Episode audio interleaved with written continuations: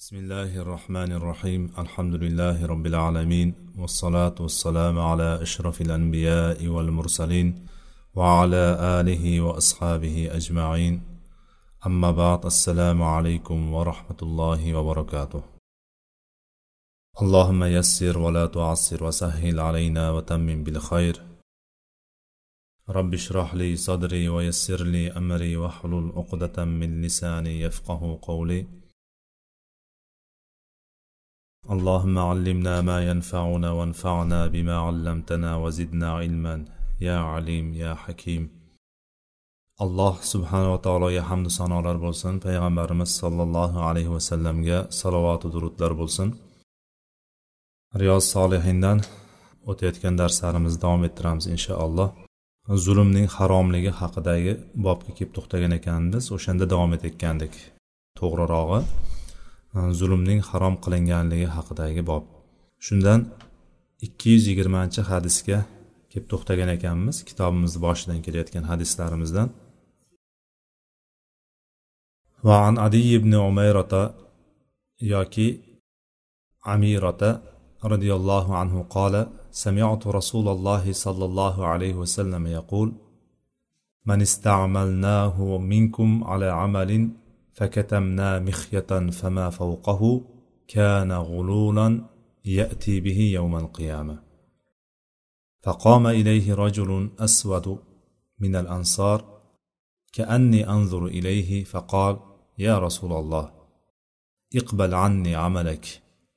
قال وما لك؟ قال سمعتك تقول كذا وكذا.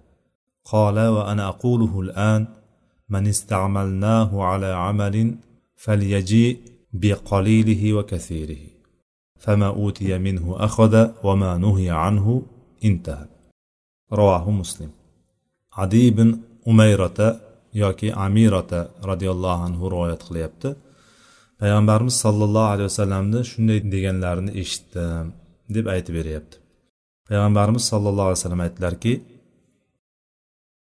biz kimni biror ishga moliyaviy ishga bu yerda hozir hadisda o'qiganimizda ma'lum bo'ladi. Bir moliyaviy ishda uni bir vazifa topshiradigan bo'lsak o'sha ishni unga beradigan bo'lsak igna yoki undan ham kichikroq bir narsani yashiradigan bo'lsa bu xiyonat hisoblanadi va mana shu xiyonatini mana shu yashirgan narsasini qiyomat kuni olib keladi dedilar payg'ambarimiz sallallohu alayhi vasallam.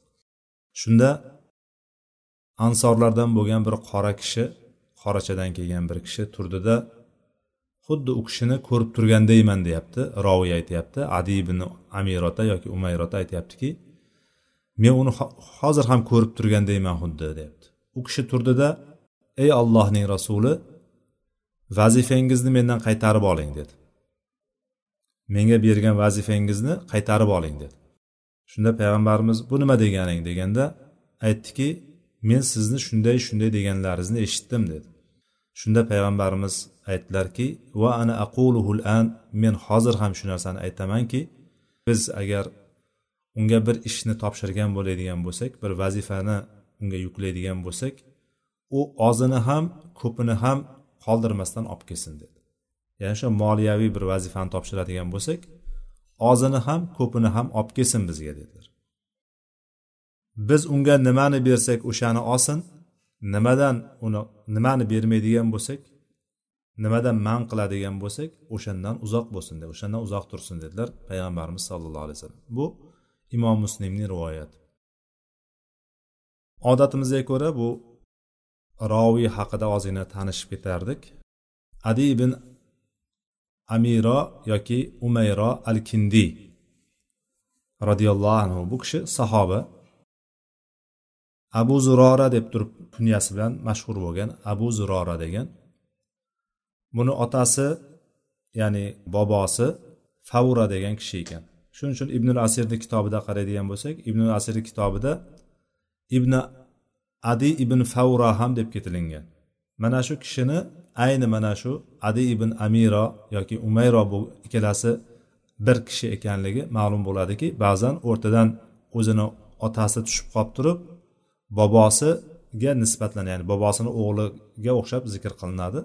Mana shu sabab bilan shunday deyiladi. Adi ibn favro ham bir kishi adi ibn umayro ham ayni kishi ekanligini aytishadi. Bu kishi ibn ishoqni aytib bergan mana shu anosiga ko'ra ibn ishoqdan naql qilinganiga ko'ra qaraydigan bo'lsak bu kishini musulmon bo'lishi shunday bo'lgan deydi. Ibn shahlo degan bir yahudiy olimi bo'ladi. Bu kishi ollohni kitobidagi tavrotda ya'ni allohni kitobi bo'lgan tavrotda jannatlik bo'lgan kishilar jannat sohiblarini jannat ahlini kishilarni o'sha haqda gapirib berib o'tirib ularni yuzlarida allohga sajda qilganlaridagi belgisi bo'ladi ya'ni sajda izlari bo'ladi yuzlarida. Deganda aytadiki yahudiy bu faqat bizdan bo'ladi. Chunki bizgina sajda qilamiz. Boshqalar sajda qilmaydi. U yamandan chiqadigan bir payg'ambar bo'ladi deb turib o'sha yerda turib gapiradi. Bir paytlar kelib turib adi bani hoshimdan bir payg'ambar chiqqanini eshitadi. Ya'ni payg'ambarimiz sollallohu alayhi vasallamni payg'ambar qilib yuborilganligini eshitadi. Hamma joyga ovoza bo'lgandan keyin bu kishi ham eshitib turib boyagi ibn shahlo degan yahudiy olimini gapi esiga tushadi. Va balki shu bo'lishligi mumkindir deb turib yo'lga chiqib turib payg'ambarimiz sallallohu alayhi vasallam yoniga keladilar. Kelganda ularni hammasini payg'ambarimizni ham sahobalarni ham sajda qilib turgan holatda ko'radi. Buni ko'rgandan keyin bu kishi payg'ambarimiz sollallohu alayhi vasallamni va sahobalarini sajdasini ko'rgandan keyin ha demak boyagi aytgan tavrotda aytilgan mana shu kishi aytilgan kishi mana shu kishi bo'lishi kerak deb turib payg'ambarimiz sallallohu alayhi vasallamni yoniga keladi va islomni qabul qiladi. Bu kishini islomi mana shunday bo'ladi. U kishi kufaga yerlashadi kufaga joylashib o'sha yerda yashaydi. Usmon roziyallohu anhu o'ldirilgandan keyin kufadan jaziraga qarab turib ko'chib ketadi. Keyinchalik e, ba'zilarni rivoyatlariga ko'ra shu jazirada vafot etgan desa voqidiy aytadiki qirqinchi yilda kufada vafot etgan deb aytadi. Qanday bo'lgan taqdirda ham bu kishi demak mana shu e, yo jazirada yoki voqidiyni aytgan xabarga ko'ra qirqinchi yilda hijriy qirqinchi yilda yoki milodiy olti yuz oltmishinchi yilda kufada vafot etgan ekan. Alloh taolo bu kishini o'z rahmatiga olsin. Hadisda aytilyaptiki payg'ambarimiz sollallohu alayhi vasallam zulmni bir ko'rinishini bizga bayon qilib beryapti. Hadisda payg'ambar sallallohu alayhi vasallam zulmni bitta yana bitta ko'rinishini bizga bayon qilyapti. U ham bo'lsa kimgadir bir vazifa topshiriladigan bo'lsa moliyaviy vazifa. O'sha paytlarda payg'ambarimiz sollallohu alayhi vasallam davrlarida moliyaviy vazifalar nimalar bo'lardi? Zakotlarni to'plashlik zakotlarni yig'ishtirishlik u bilganimiz umumiy hayvonlardan olinadigan anomlardan olinadigan chorva mollardan olinadigan zakotlar bo'lsa va ikkinchi turi pul zakotlari o'sha paytdagi pul yig'ishlik. Buni pul yig'ishligini o'tgan safar ham aytgandikki pul yig'ishligini zakot yig'uvchilar yig'magan uni. Zakot yig'uvchilar faqatgina chorva mollaridangina yiqqanlar va shuningdek dehqonchilik mollaridan yiqqanlar. Boshqa narsalar yig'ilmagan.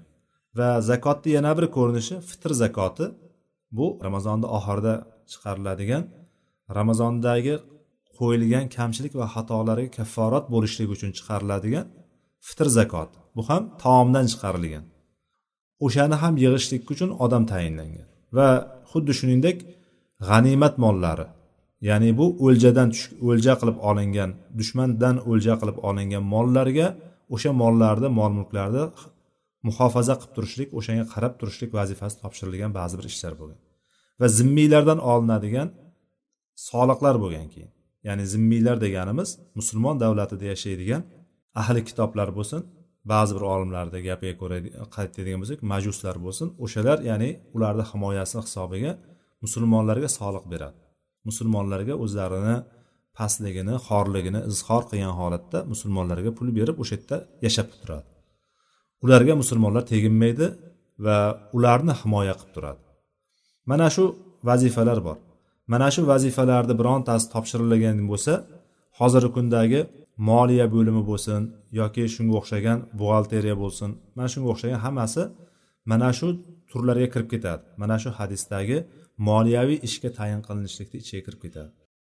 Mana shunday ish topshiriladigan bo'lsa ana o'shandan juda kichkina arzimagan narsani bo'lsa ham oladigan bo'lsa mana bu ommani moliga xiyonat hisoblanadi davlatga xiyonat hisoblanadi va buni jazosi og'ir ekanligini bu hadisdan ko'ryapmiz biz.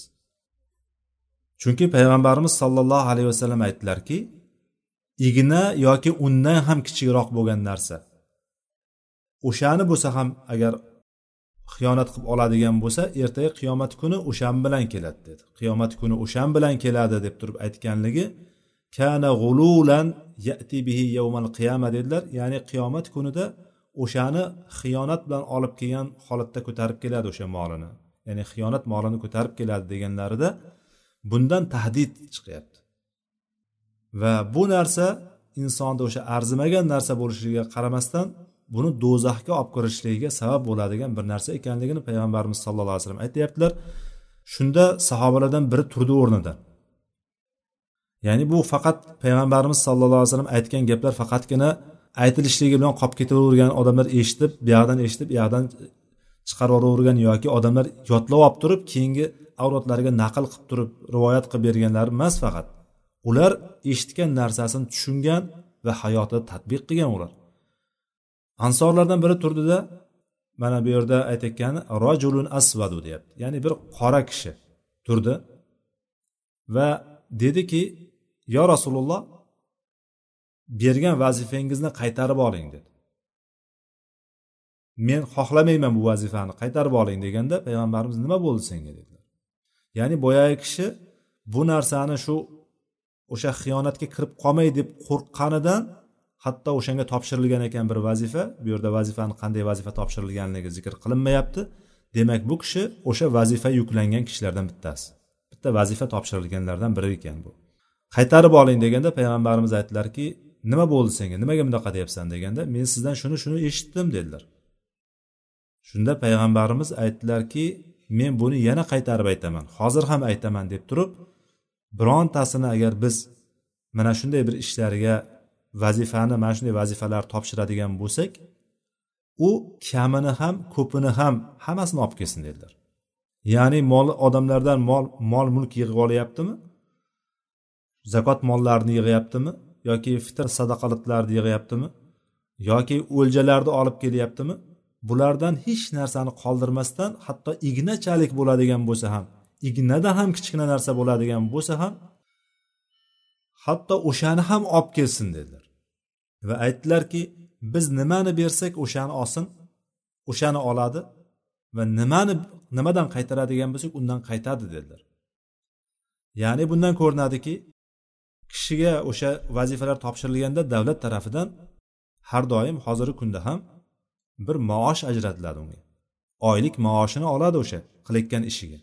Endi maoshdan tashqari olayotgan oyligidan tashqari bu yoqdan kimdandir bir qo'shimcha bir narsa oladigan bo'lsa ya'ni bu pora hisoblanadi. Bu porani oladigan bo'lsa yoki olingan narsani bir qismini yashirib qolib turib qolgan qismini ko'rsatib bir qismini ko'rsatmaydigan bo'lsa bu narsani payg'ambarimiz qattiq tahdid qildilar va buni do'zaxga olib kirishligiga sabab qilib ko'rsatdilar bu kabira hisoblanadi. Demak davlatni ishi musulmon davlatini islom jamiyatini mana shunday payg'ambarimiz sallallohu alayhi vasallam mana shunday hadislar bilan shu gaplari bilan o'ngnadilar isloh qildilar. Bo'lmasam inson tabiati iloji boricha bir joydan urib qolsa iloji boricha o'zini manfaatini ko'zlasa faqat o'zini manfaati uchungina ishlaydi inson. Qayerda bo'lsa bir narsa qilib qolsa u haloldan kelyaptimi haromdan kelyaptimi hech qaramaydi orqa oldiga. Hali bir kun keladi dedilar payg'ambarimiz sallallohu alayhi vasallam qiyomat yaqin bir kunlar keladi. Odamlar molini kasb qilib topayotgan molini qayerdan kelayotganiga ahamiyat bermaydi deganlar. U haloldan kelyaptimi haromdan kelyaptimi? Xullas vazifa berilgan kishilar insonlarni omma moliga qarab turadigan omma molini himoya qiladigan yoki oyliklarni tarqatadigan joylar moliyaviy bo'limlar buxgalteriyalar bularni hammasi mana shu hadisni hukmiga dohil bo'ladida kim arzimagan chaqani oladigan bo'lsa ham ertaga qiyomat kunida ko'tarib keladi va o'sha sababli do'zaxga tushishligiga sabab bo'ladi. Shuningdek o'tgan darslarimizda ham aytgandikki mana shunday bir e, vazifalar berilgan kishilar hadya olishligi mumkin emas. Hadyasi agarchi inson ko'nglidan chiqarib mana bu sizga shuncha mana bu sizga hadya bo'lsin deb beradigan bo'lsa bu hadyasi ham nima bo'ladi? Pora o'rinda hisoblanadi. Chunki payg'ambarimiz sollallohu alayhi vasallam aytganlarki sizlardan bittalaringiz agar o'sha narsani onasini uyida o'tiradigan bo'lsa yoki otasini uyida o'tiradigan bo'lsa ya'ni bu degani bu ishlarni qilmasdan uyda o'tiradigan bo'lsa qani ko'ramiz o'shanga mana shunday hadyalar kelarmidiki degandilar. Ya'ni hadya kelmaydi. Uyda o'tirsin hech qanaqa ish qilmasin kelmaydi. Mansabidan foydalanib mansabidan foydalanib uni holatdan foydalanib unga bir hadya beradiki uni ko'ziga yaxshiroq ko'rinishlik va ba'zi bir qing'ir ishlarini qilib olishlik uchun insonlar hadya beradi. Orqasidan bir g'arazi bo'ladi insonlar. Mana shu sababdan hadya olishligi ham bunday kishilarga harom hisoblanadi. Demak bu hadisdan yana e, olgan foydalarimizni yana bir bir oraga keltiradigan bo'lsak oz bo'lsin ko'p bo'lsin farqi yo'q. Eng ozi bo'ladigan bo'lsa ham islom davlatini musulmon davlatini moliga xiyonat qilishlik gunohi kabira hisoblanadi va jahannamga kirishligiga sabab bo'ladi. Keyin ommaga jamiyatga tegishli bir vazifalar topshiriladigan bo'lsa bu vazifalarni o'zini haqqi bilan yeriga ya'ni o'zini o'rniga qo'yishlik o'shani bor kuchini sarflab turib qo'ldan kelganicha bajarishlikka harakat qilishlik kerak bo'ladiki va omonatni qattiq himoya qilishlik. Xiyonat qilmaslik kerak bo'ladi va o'zini shaxsiy manfaatlari yo'lida ommani molini ozginasini bo'lsa ham yeydigan bo'lsa do'zaxga kirishligini ko'rsatyapti. Lekin bizda bo'ladigan bo'lsa iloji boricha shu mansabga qarab turib katta katta poralar berib mansablarga kelinadi. Avvali pora berib mansabga kelyapti. Mansabga keladiganlarni porasiz kelganlari bor bo'lsa juda nodirdir. Agar mayli kelsin ham deylik porasiz kelgan bo'lsa ham pora bermasdan o'zini yo'li bilan aqli bilan xizmati bilan o'zi ko'zga ko'ringanligi bilan uddaburonligi bilan kelgan bo'lsin mansabga. Ana mansabga kelgandan keyin bu mansabda birinchi o'rinda faqat o'zini o'ylaydi bular. Birinchi o'rinda faqat o'zini o'ylaydi. Shunaqa bir xalqni mulkini xalqni molini xalqni haqqini shunaqa yeydiki buni ko'zi ko'r odam ham ko'radi hatto. Lekin bu narsalarni allohga va oxiratga iymoni bo'lgan kishi ertaga albatta qiyomat kuni qayta tirilaman ekan allohni huzuriga kelaman ekan. Har bir yegan nohaq yegan harom mollarni ko'tarib kelaman ekan. Bo'p ham omma insonlarni moliga xiyonat bo'ladigan bo'lsa buni jazosi og'ir ekan deydigan ozgina iymoni bo'ladigan bo'lsa shu dunyoni o'zi tavba qilib qolishligi kerak bo'ladi. Hali ertaga biron bir kishi o'rtaga tusha olmaydigan biron bir mol davlat qo'lidagi puli hech qanaqa foyda bermaydigan kerak bo'lsa yer yuzi to'la oltin bo'lsa va yana shuncha oltini bo'ladigan bo'lsayu buni do'zaxni azobidan qutulib qolishlik uchun beraman deydigan bo'lsam hammasini berib yuboraman deydigan bo'lsam ulardan qabul qilinmaydigan kun kelib qolishligidan oldin bular ko'zlarini ochishlari kerak. Qalbida ozgina iymoni bo'lsa ozgina insofi bo'lsa mana shu narsani qilishlik kerak va bu vazifalarga inson intilmasligi kerak keyin mansablarga intilmasligi. Bizni islom dinimiz shunga o'rgatadiki mansablarga intilinmaydi chunki uning mas'uliyati juda katta. Bu mas'uliyati juda katta bo'lganligi uchun insonlar har doim qochgan bundan. Qalbida iymoni bo'lgan taqvosi bo'lgan kishilar hech qachon bu vazifalarni mansablarni olmagan hech qaysisi. Majburlab berilgan ularga. Majburlab berilgandan keyin endi qilmasam bo'lmaydi deb turib qilgan. Yoki ba'zi bir ko'rinishlari bor. Yusuf alayhissalomni qissasidan oladigan bo'lsak yusuf alayhissalom meni xazinalarni boshlig'i qilib qo'y xazinalarni menga topshirgin deb turib o'zi so'rab olgan. Chunki ba'zi bir o'rinlar bo'ladiki inson o'zida bir layoqat bor insonda bir ilm bilim bilim bor. Atrofdagilarda birontasida o'shani yarmichalik ham ilmi yo'q. Agar o'zi talab qilib olmaydigan bo'lsa qolganlardan birontasi boshqalardan birontasi johillar o'sha ishni bilmaydiganlar birontasi kelib qoladida hamma tomonni buzib rasvosini chiqaradi. Mana shunday bo'lishligiga ko'zi yetib turadigan bo'lsa ana unda talab qilib olsa bo'ladi o'sha mansabni sababi nima? Bilmasvoylarni qo'liga tushib qolmasligi uchun. Lekin o'shanda ham katta mas'uliyat ko'tarilmaydi. Bu mas'uliyat vojiblardan hisoblanadi. Bu vojiblarni o'zini joyiga joyiga qo'yishlik kerak bo'ladi. Undan keyin hadis. Va an umar ibn xattobiy roziyallohu anhu qol لما كان يوم خيبر أقبل نفر من أصحاب النبي صلى الله عليه وسلم فقالوا فلان شهيد وفلان شهيد. حتى مروا على رجل فقالوا فلان شهيد. فقال النبي صلى الله عليه وسلم كلا إني رأيته في النار في بردة غلها أو عباءة. رواه مسلم.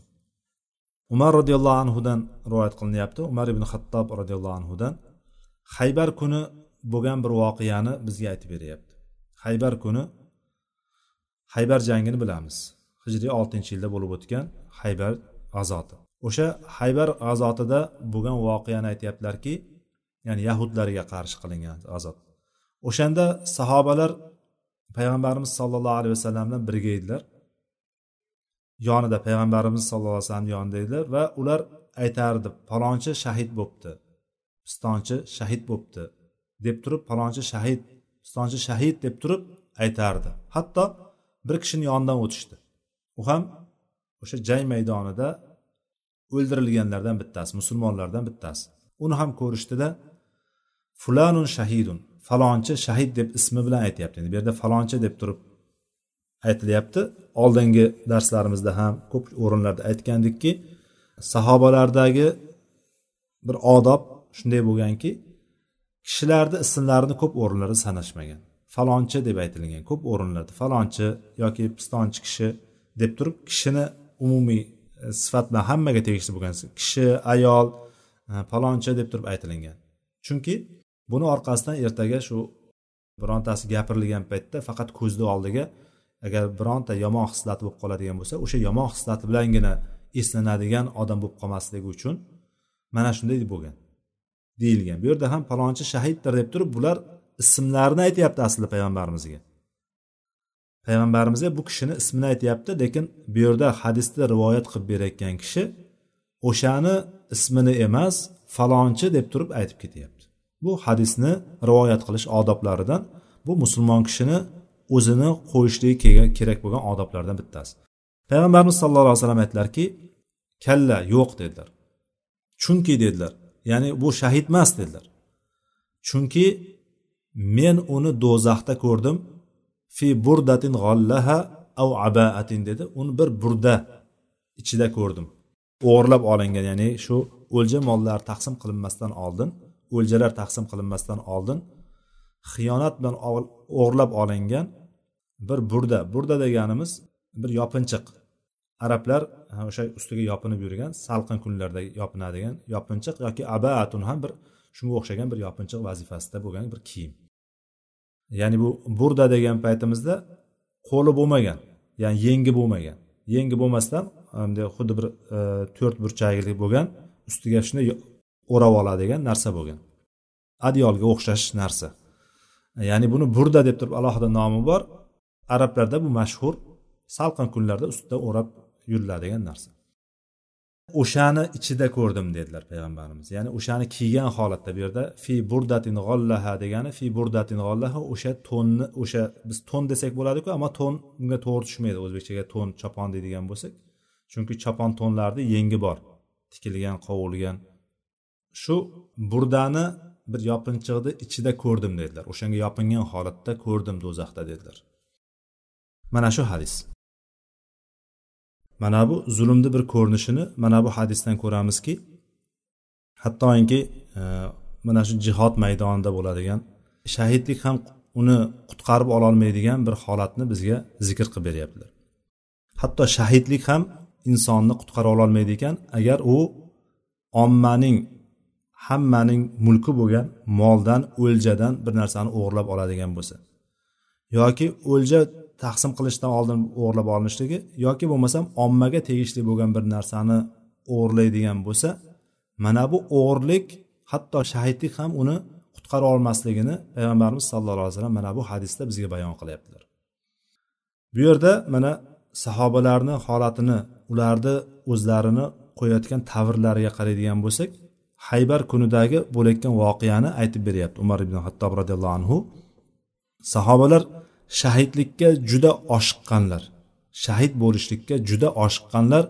Mana shuning uchun ularga ya'ni ularga havas qilgan shahidlarga havas qilgan. Chunki ular bilishganki allohni yo'lida shahid bo'ladigan kishini martabasi qanday bo'lishligini hatto ularni alloh taolo aytadiki alloh yo'lida o'ldirilganlarni sizlar o'liklar demanglar degan. Ular o'lik emas ular tirikdirlar deb keladi. Boshqa bir oyatda bo'ladigan bo'lsa ular ollohni huzurida rizqlanib turadi deyiladi. Ya'ni bunga taalluqli bo'lgan oyatlar hadislar juda ko'p shahidlarni maqomlari shahidlarni holatlari haqida. Sahobalar bu narsani juda yaxshi bilishgan va o'shanga butun mol mulkiyu jonini o'zlarini fido qilib chiqishgan va shahid bo'lganlarni ko'rib shahidlarni ko'rgan paytda ular o'shalarga havas bilan qaragan. Yaxshi ham bu yerda buni o'rnida bo'lib qolmabman demagan ular. Ular shahidlarga havas bilan qaragan mana shuning uchun payg'ambarimiz sollallohu alayhi vasallamni yonidagi sahobalar palonchi shahid bo'libdi pistonchi ham shahid bo'libdi deb turib payg'ambarimizga havaslanib shodlanib aytishgan o'sha narsani. Mana shu narsa bu hadisda kelyapti. Lekin bir holat bo'ldiki bir kishini oldidan o'tib qolishdi bular. Va e bu ham shahid bo'libdi falonchi ham shahid bo'libdi deganda payg'ambarimiz sallallohu alayhi vasallam bu yerda inkor qildi. Bu yerda yo'q unday emas dedilar. Ya'ni shahidlar do'zaxga tushmaydi. Shahidlar jannatga kirardi lekin bu bir narsa qilib qo'ydiki bir ish qilib qo'ydiki uni shahidligi uni qutqara olmaydigan bir ishni qilib qo'ydi va u u ham bo'lsa hali o'lja mollari ommaga tegishli bo'lgan o'ljalar qo'lga kiritilgandan keyin hali taqsim qilinmasdan turib yashirincha olgan o'g'rincha olgan bir narsasi bor ekan. U ham bo'lsa arzimagan narsa bir yopinchiq bir kiyim bitta oddiy kiyim. Lekin o'sha kiyim ham buni do'zaxga kirishligiga sabab bo'lyaptiki payg'ambarimiz aytdilarki men uni o'sha burdani ichida ya'ni o'sha yopinchig'ini ichida ko'rdim do'zaxda dedilar. Bundan demak biz qattiq qo'rqishligimiz kerakki ommaga tegishli bo'lgan mol mulkdan ularga xiyonat qilishlikdan bo'lib ham agar jang maydonida yurgan kishilar bo'ladigan bo'lsa jihod maydonlarida yuradigan kishilar bo'lsa bular yanada qo'rqishligi kerak bo'ladiki chunki u yerda hamma narsa ochiq bo'ladi. Xohlagan ishini qila oladigan bir vaziyatlar bo'ladi. Chunki har doim bir kishi kuzatib turadigan bir kishi yig'ib turadigan narsa bo'lmaydi. O'ljalarni hali qo'liga tegmasdan turib hali bir joyga to'planib taqsim qilmasdan turib olib qolishligi bilan bu o'sha yerda qilgan xizmatlariyu butun savoblarni yo'qqa chiqarib do'zaxga kirib ketishligiga sabab bo'ladigan narsa bo'lib qoladi ekan. Mana bu narsani payg'ambarimiz sollallohu alayhi vasallam bizga bayon qilib beryaptilar. Demak bundan hadisdan ko'ramizki olloh bilan bandani o'rtasidagi haqlar bor. Oldin ham aytgandik olloh bilan bandani o'rtasidagi haq huquqlar bor. Alloh taolo xohlasa uni gunohlarini kechirib yuboradi. Shirkdan boshqa hammasini kechirib yuboradi alloh taolo. Lekin banda bilan bandani o'rtasidagi ikkita inson o'rtasidagi yuz beradigan bir narsalar bor. Ular qarz oldi berdisi o'g'irliklar birovni haqlari nomusini toptashlik yo bo'lmasam obro'sini to'kishlik degan narsalar borki bularni hech birini alloh taolo kechirib yubormaydi. Illo bitta shart qo'yiladi o'sha odamni yoki o'sha jamoani o'sha jamiyatni rozi qilishligi kerak bo'ladi. Ana o'shandagina ular rozi bo'ladigan bo'lsagina ulardan bu gunohni kechishligi mumkin. Lekin qiyomat kunida borgan paytda hech kim hech narsani kechmaydi. Hech kim hech narsani kechmaydi. Chunki har kim arzimagan kichkinagina bir savobga bo'lsa ham o'shani bo'lsam qilchalik savob bo'lsa o'shani ham o'zimga bo'lsin deydigan bir vaziyatda bo'ladi. Chunki hamma o'zidan qo'rqib turadi. Nima bo'lishini bilmaydi tarozi o'rnatilgan kimni taroziga qo'yib turib hisob kitob boshlanadigan bo'lsa albatta bu yutqazib qo'yadi degan holatni bilgan holatda bular nima qiladi? Har kim o'zidan qo'rqib turadi. Shuning uchun qilinadigan narsa bo'lsa shu dunyoni o'zida ko'zni kattaroq ochishlik kerak. Ommani jamiyatni davlatni o'ljalarga o'lja mollari bo'lsin yoki bir joyga yig'ilgan mol davlat bo'lsin yoki boshqa bo'lsin bularni hammasida juda ehtiyotkor bo'lishlik kerak. Och qornim tinch qulog'im deganini mana shu yerga qo'ysak bo'ladi. O'zbek tilidagi o'zimizni xalq so'zlaridan bo'lgan och qornim tinch qulog'im degani mana shu yerga qo'ysak bo'ladiki o'shani olma yema hech narsa qilmada jannatga ket arzimagan bir narsani olamizda olloh saqlasin bundan. Nafsga tushib turib nafsimizga tushib turib arzimagan narsani bir qisman foydalanamiz o'sha narsadan. Shu dunyoda ma'lum bir payt foydalanamiz lekin u do'zaxga olib kirib ketib qolishligi mumkin. Alloh taolo bundan saqlasin. Undan keyingi hadis. عن أبي قتادة الحارث ابن ربعي رضي الله عنه عن رسول الله صلى الله عليه وسلم أنه قام فيهم فذكر لهم أن الجهاد في سبيل الله والإيمان بالله أفضل الأعمال. فقام رجل فقال يا رسول الله أرأيت إن قتلت في سبيل الله تكفر تكفر عني خطاياي؟ فقال له رسول الله صلى الله عليه وسلم نعم. إن قتلت في سبيل الله وأنت صابر محتسب مقبل غير مدبر. ثم قال رسول الله صلى الله عليه وسلم كيف قلت؟ قال أرأيت إن قتلت في سبيل الله أتكفر عني خطاياي؟ فقال رسول الله صلى الله عليه وسلم نعم. وأنت صابر محتسب مقبل غير مدبر إلا الدين فإن جبريل قال لي ذلك. رواه مسلم. Bu hadisda ham yana bir ko'rinish zikr qilinyapti. Ya'ni inson kishi e'tibor berishligi bo'lgan kerak bo'lgan yana bir narsaga payg'ambarimiz sallallohu alayhi vasallam urg'u beryaptilar. Bu urg'u bo'lsa ham qarz oldi berdi masalasi qarz masalasi. Zulm qanday zulm bo'ladi? Mana bu narsani biz hozir hadisda gaplashamiz. Abu qatoda al horis ibn ribiy roziyallohu anhudan rivoyat qilinyapti. Payg'ambarimiz sollallohu alayhi vasallam bir kuni turdilarda xutba qildilar yoki bir maviza qildilar va o'shanda sahobalarga olloh yo'lidagi jihodni va allohga iymon keltirishlikni amallarning eng afzali ekanligini aytdilar. Mana shuni eslatib o'sha haqda gapirganlarida bir kishi o'rnidan turdida ey ollohning rasuli agar allohni yo'lida o'ldiriladigan bo'lsam meni gunohlarim kafforat qilinadimi? Meni gunohlarim kechiriladimi? Nima deysiz shunga? dedi. Shunda payg'ambarimiz sallallohu alayhi vasallam unga aytdilarki ha dedilar agar ollohni yo'lida o'ldiriladigan bo'lsang va sen sabr qilgan holatda ya'ni senga kelayotgan balolar o'sha yerda turishlikda sabr qilgan holatda va muhtasib uni savobini faqatgina allohdangina umid qilgan holatda va oldinga olg'a yurib orqaga chekinmagan holatda o'ldiriladigan bo'lsang ana o'shanda seni gunohlaring kafforat bo'ladi dedilar. So'ngra birozdan keyin payg'ambarimiz sallallohu alayhi vasallam boyagi kishi qani? dedilar. Boyagi kishi qani? Kayfa qult? dedilar. Boyaginga qarab turib payg'ambarimiz sallallohu alayhi vasallam aytdilarki nima deding yana bir qaytar dedilar. Nima deganding? deb so'radilar. Shunda boyagi kishi yana takrorladiki agar ollohni yo'lida o'ldiriladigan bo'lsam meni gunohlarim kafforat qilinadimi nima deysiz degandim dedi. Shunda payg'ambarimiz sallallohu alayhi vasallam aytdilarki ha dedilar kafforat bo'ladi agar sen sabr qilgan holatda savobini faqatgina allohdan umid qilgan holatda va oldinga yurib orqaga chekinmagan holatda bo'lsang kechiriladi. Magar qarz kechirilmaydi dedi. Magar qarz qoladi bo'yningda dedilar. Buni dedilar chunki dedi jibril keldida mana shu narsani menga aytdi dedilar. Bu imom muslimning sahihlarida chiqarilgan hadis ekan. Abu qatoda al haris ibn ribiy bu kishi kim? Roviylardan mana abu qatoda haris ibn ribiy roziyallohu anhu mashhur sahobalardan biri. Bu kishi hazraj qabilasiga mansub ansorlardan bo'lgan sahoba.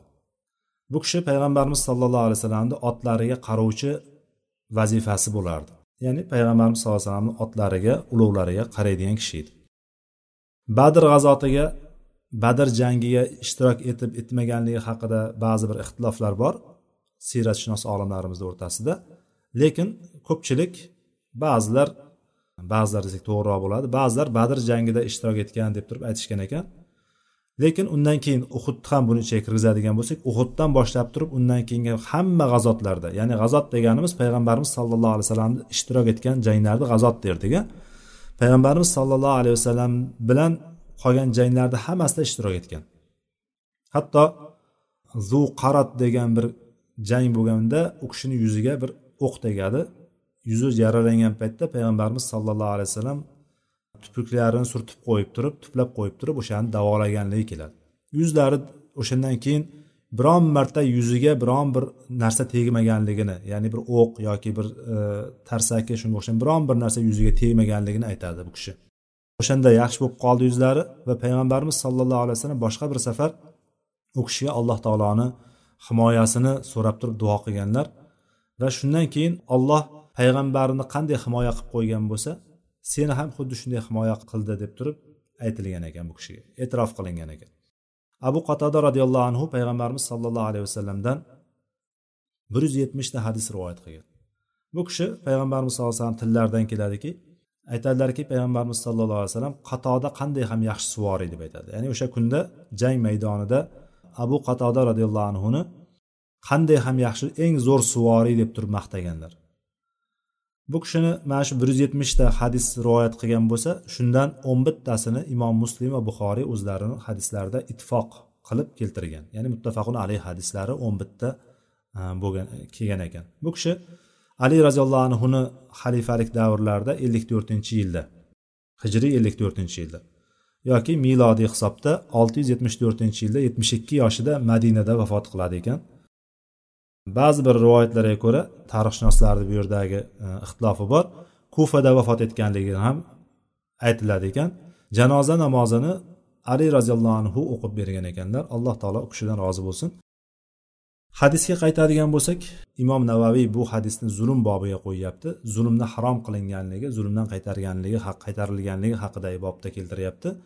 Sababi inson qarz oldi berdi masalasida ikki kishini o'rtasidagi haqlar bor.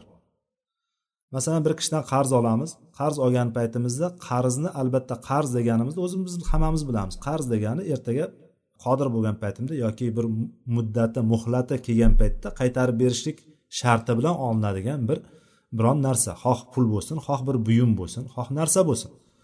Nima bo'lishidan qat'iy nazar o'shani qarziga olib turish deganligi olib turib muddatida qaytarib berishlikni qarz deymiz. Endi o'shani olayotgan paytda yeb ketib qolishlik niyati bilan. Yo bo'lmasam qaytarishlik niyatini qilmasdan turib olishlikni zulm ekanligi kelib chiqadi bu yerda. Va o'sha qarzni olayotgan payti olgandan keyin imkoni bo'lib turib muddati kelgan paytda qaytarib berishlik muddati kelgan paytda ham orqaga tashlab cho'zib yurishlik. Bu ham qarzdagi zulmlar jumlasiga kiradi.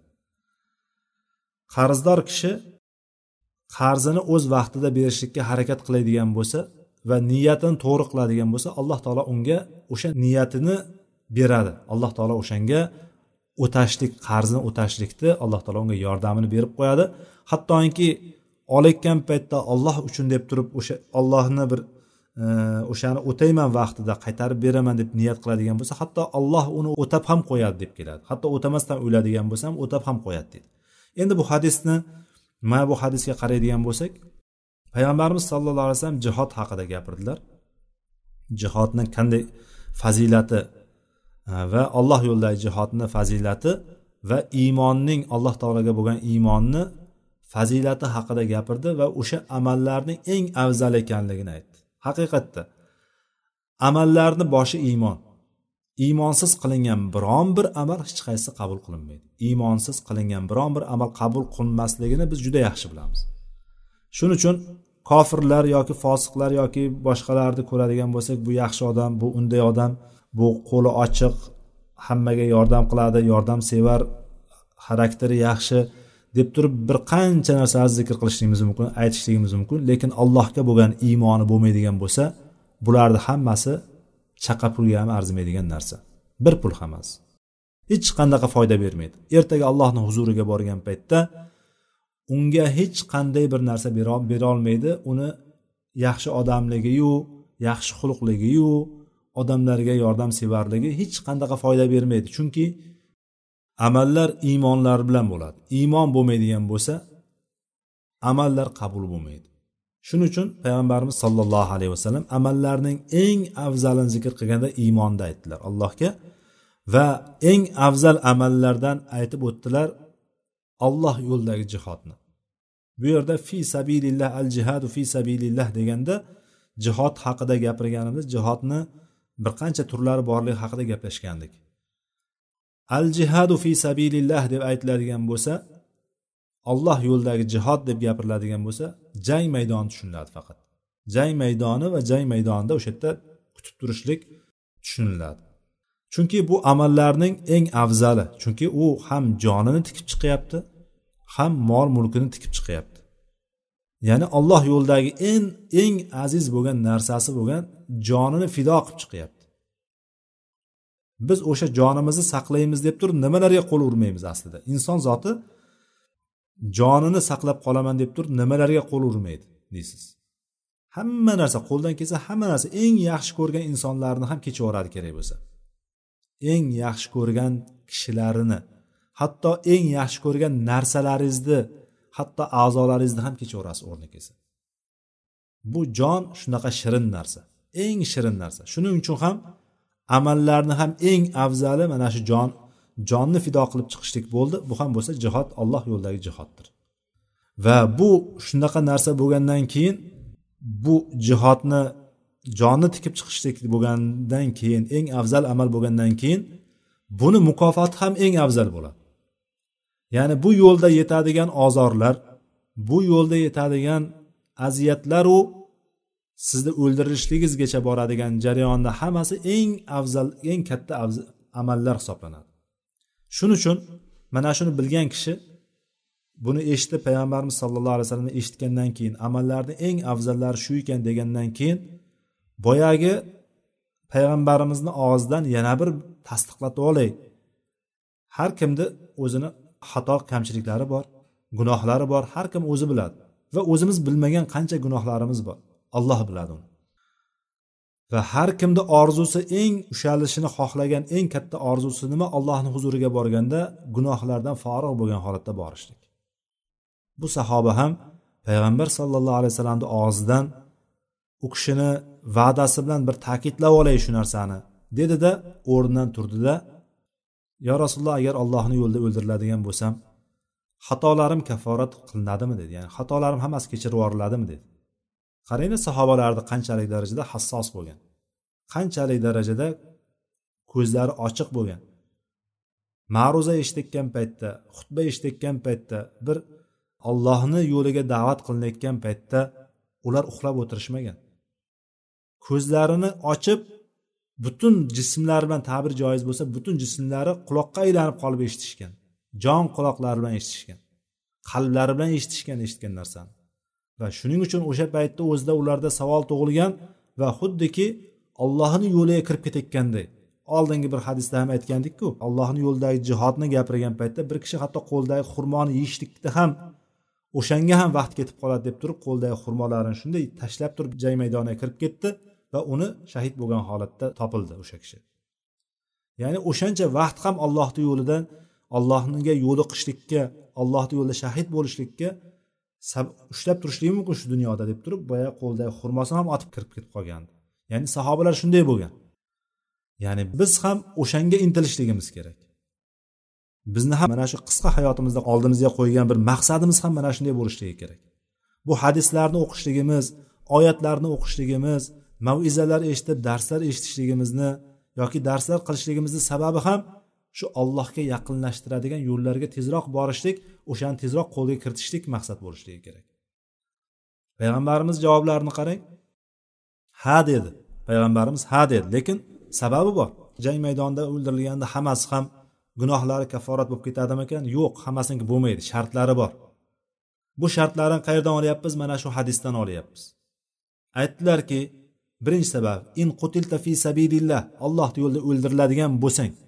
Sabab ollohni yo'lida o'ldirishlik kerak. Birinchi sababi sharti shu.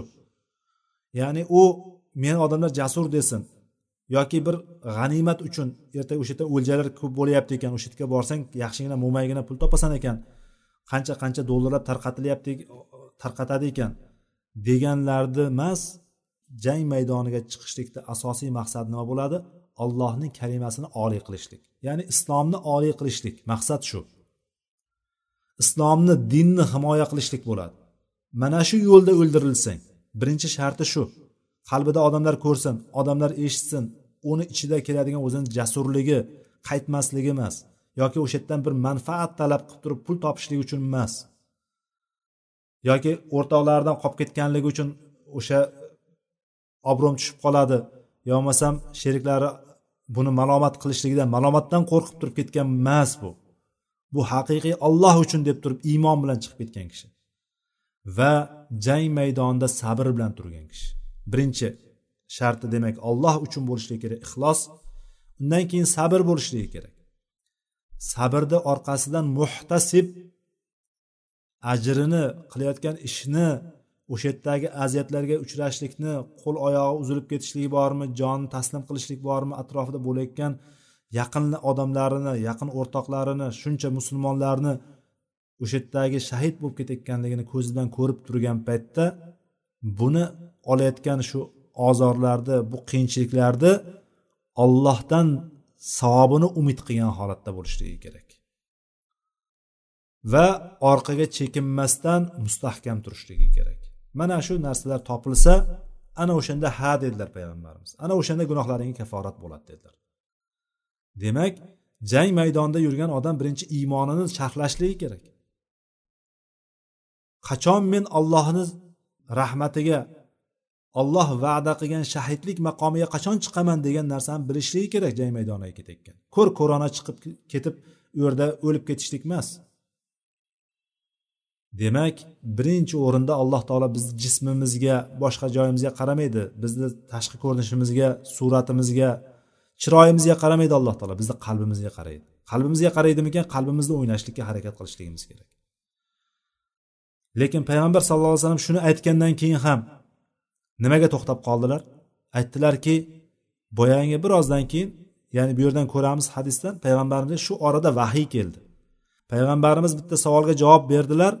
Javobni to'g'ri berdilarku lekin o'shanda bir kamchiligi bor. Javobni bir to'ldirmagan bir kamchiligi bor. O'sha kamchiligini alloh taolo vahiy jo'natdi.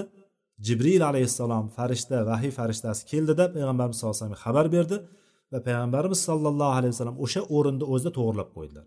Mana bu payg'ambarona uslub hisoblanadi. Biz masalan biror narsani xato gapirib qo'yadigan bo'lsak endi o'shani xatosini to'g'irlashlikdan ham or qiladigan bo'lib qolganmiz. O'sha xato gapirib qo'ygan gapimni mana shu yerda xato qilib qo'yibman deyishlik biz uchun juda katta narsa. Lekin unday emas. Biz xatomizni tan olishlikni o'rganamiz va xatomizni o'sha paytda o'zida o'nglashlikka harakat qilamiz. Mana bu payg'ambarimiz sunnatlari va payg'ambar sallallohu alayhi vasallam biron bir narsani yashirmasdan hamma narsani o'z o'rnida yetkazib ketganligiga dalillarimiz to'lib toshib yotibdi.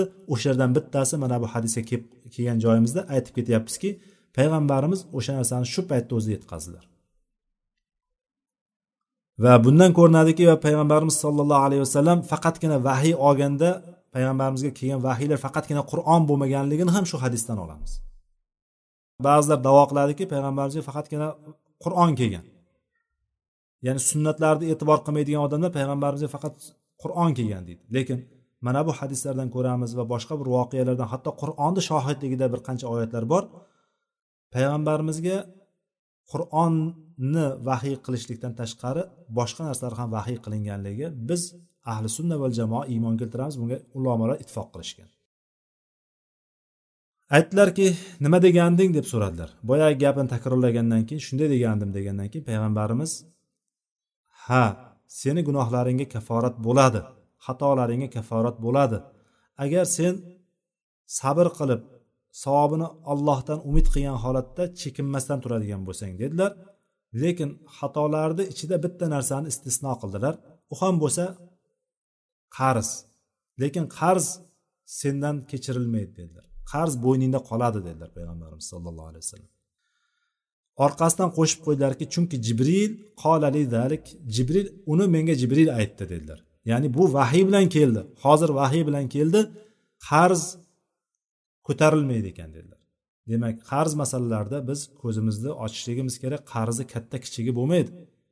O'ylayman hozir arzimagan qarz bo'ynimda qolib ketsa hech narsa qilmaydi deb hech ham hayolimizga keltirmaslik bu arzimagan narsaku emas. Shu dunyoni o'zida biz qarz oldi berdilarimizni ham uzishligimiz kerak. Imkon bormi? Qilishligimiz kerak. Imkon bo'lmaydigan bo'lsa u boshqa gap. Lekin imkonimiz boricha bu narsalarni harakatini qilib qolishligimiz kerak. Bu hadis yana kitobimizda keyingi u hali e, oldindagi bir bo'limlarda yana keladi. O'shanda yana bir gaplashib o'tamiz inshaalloh. Vaqtimiz ham biroz uzab qoldi cho'zilib qoldi. Shu yerda to'xtasak inshaalloh. Bu hozir bugun o'qigan hadislarimiz hammasi bir biriga bog'liq bo'lganligi uchun hammasini bir joyda aytib o'tishlikka o'qib o'tishlikka harakat qildik. Allohu alam. سبحانك اللهم وبحمدك أشهد أن لا إله إلا أنت أستغفرك وأتوب إليك. وآخر دعوانا أن الحمد لله رب العالمين. والسلام عليكم ورحمة الله وبركاته.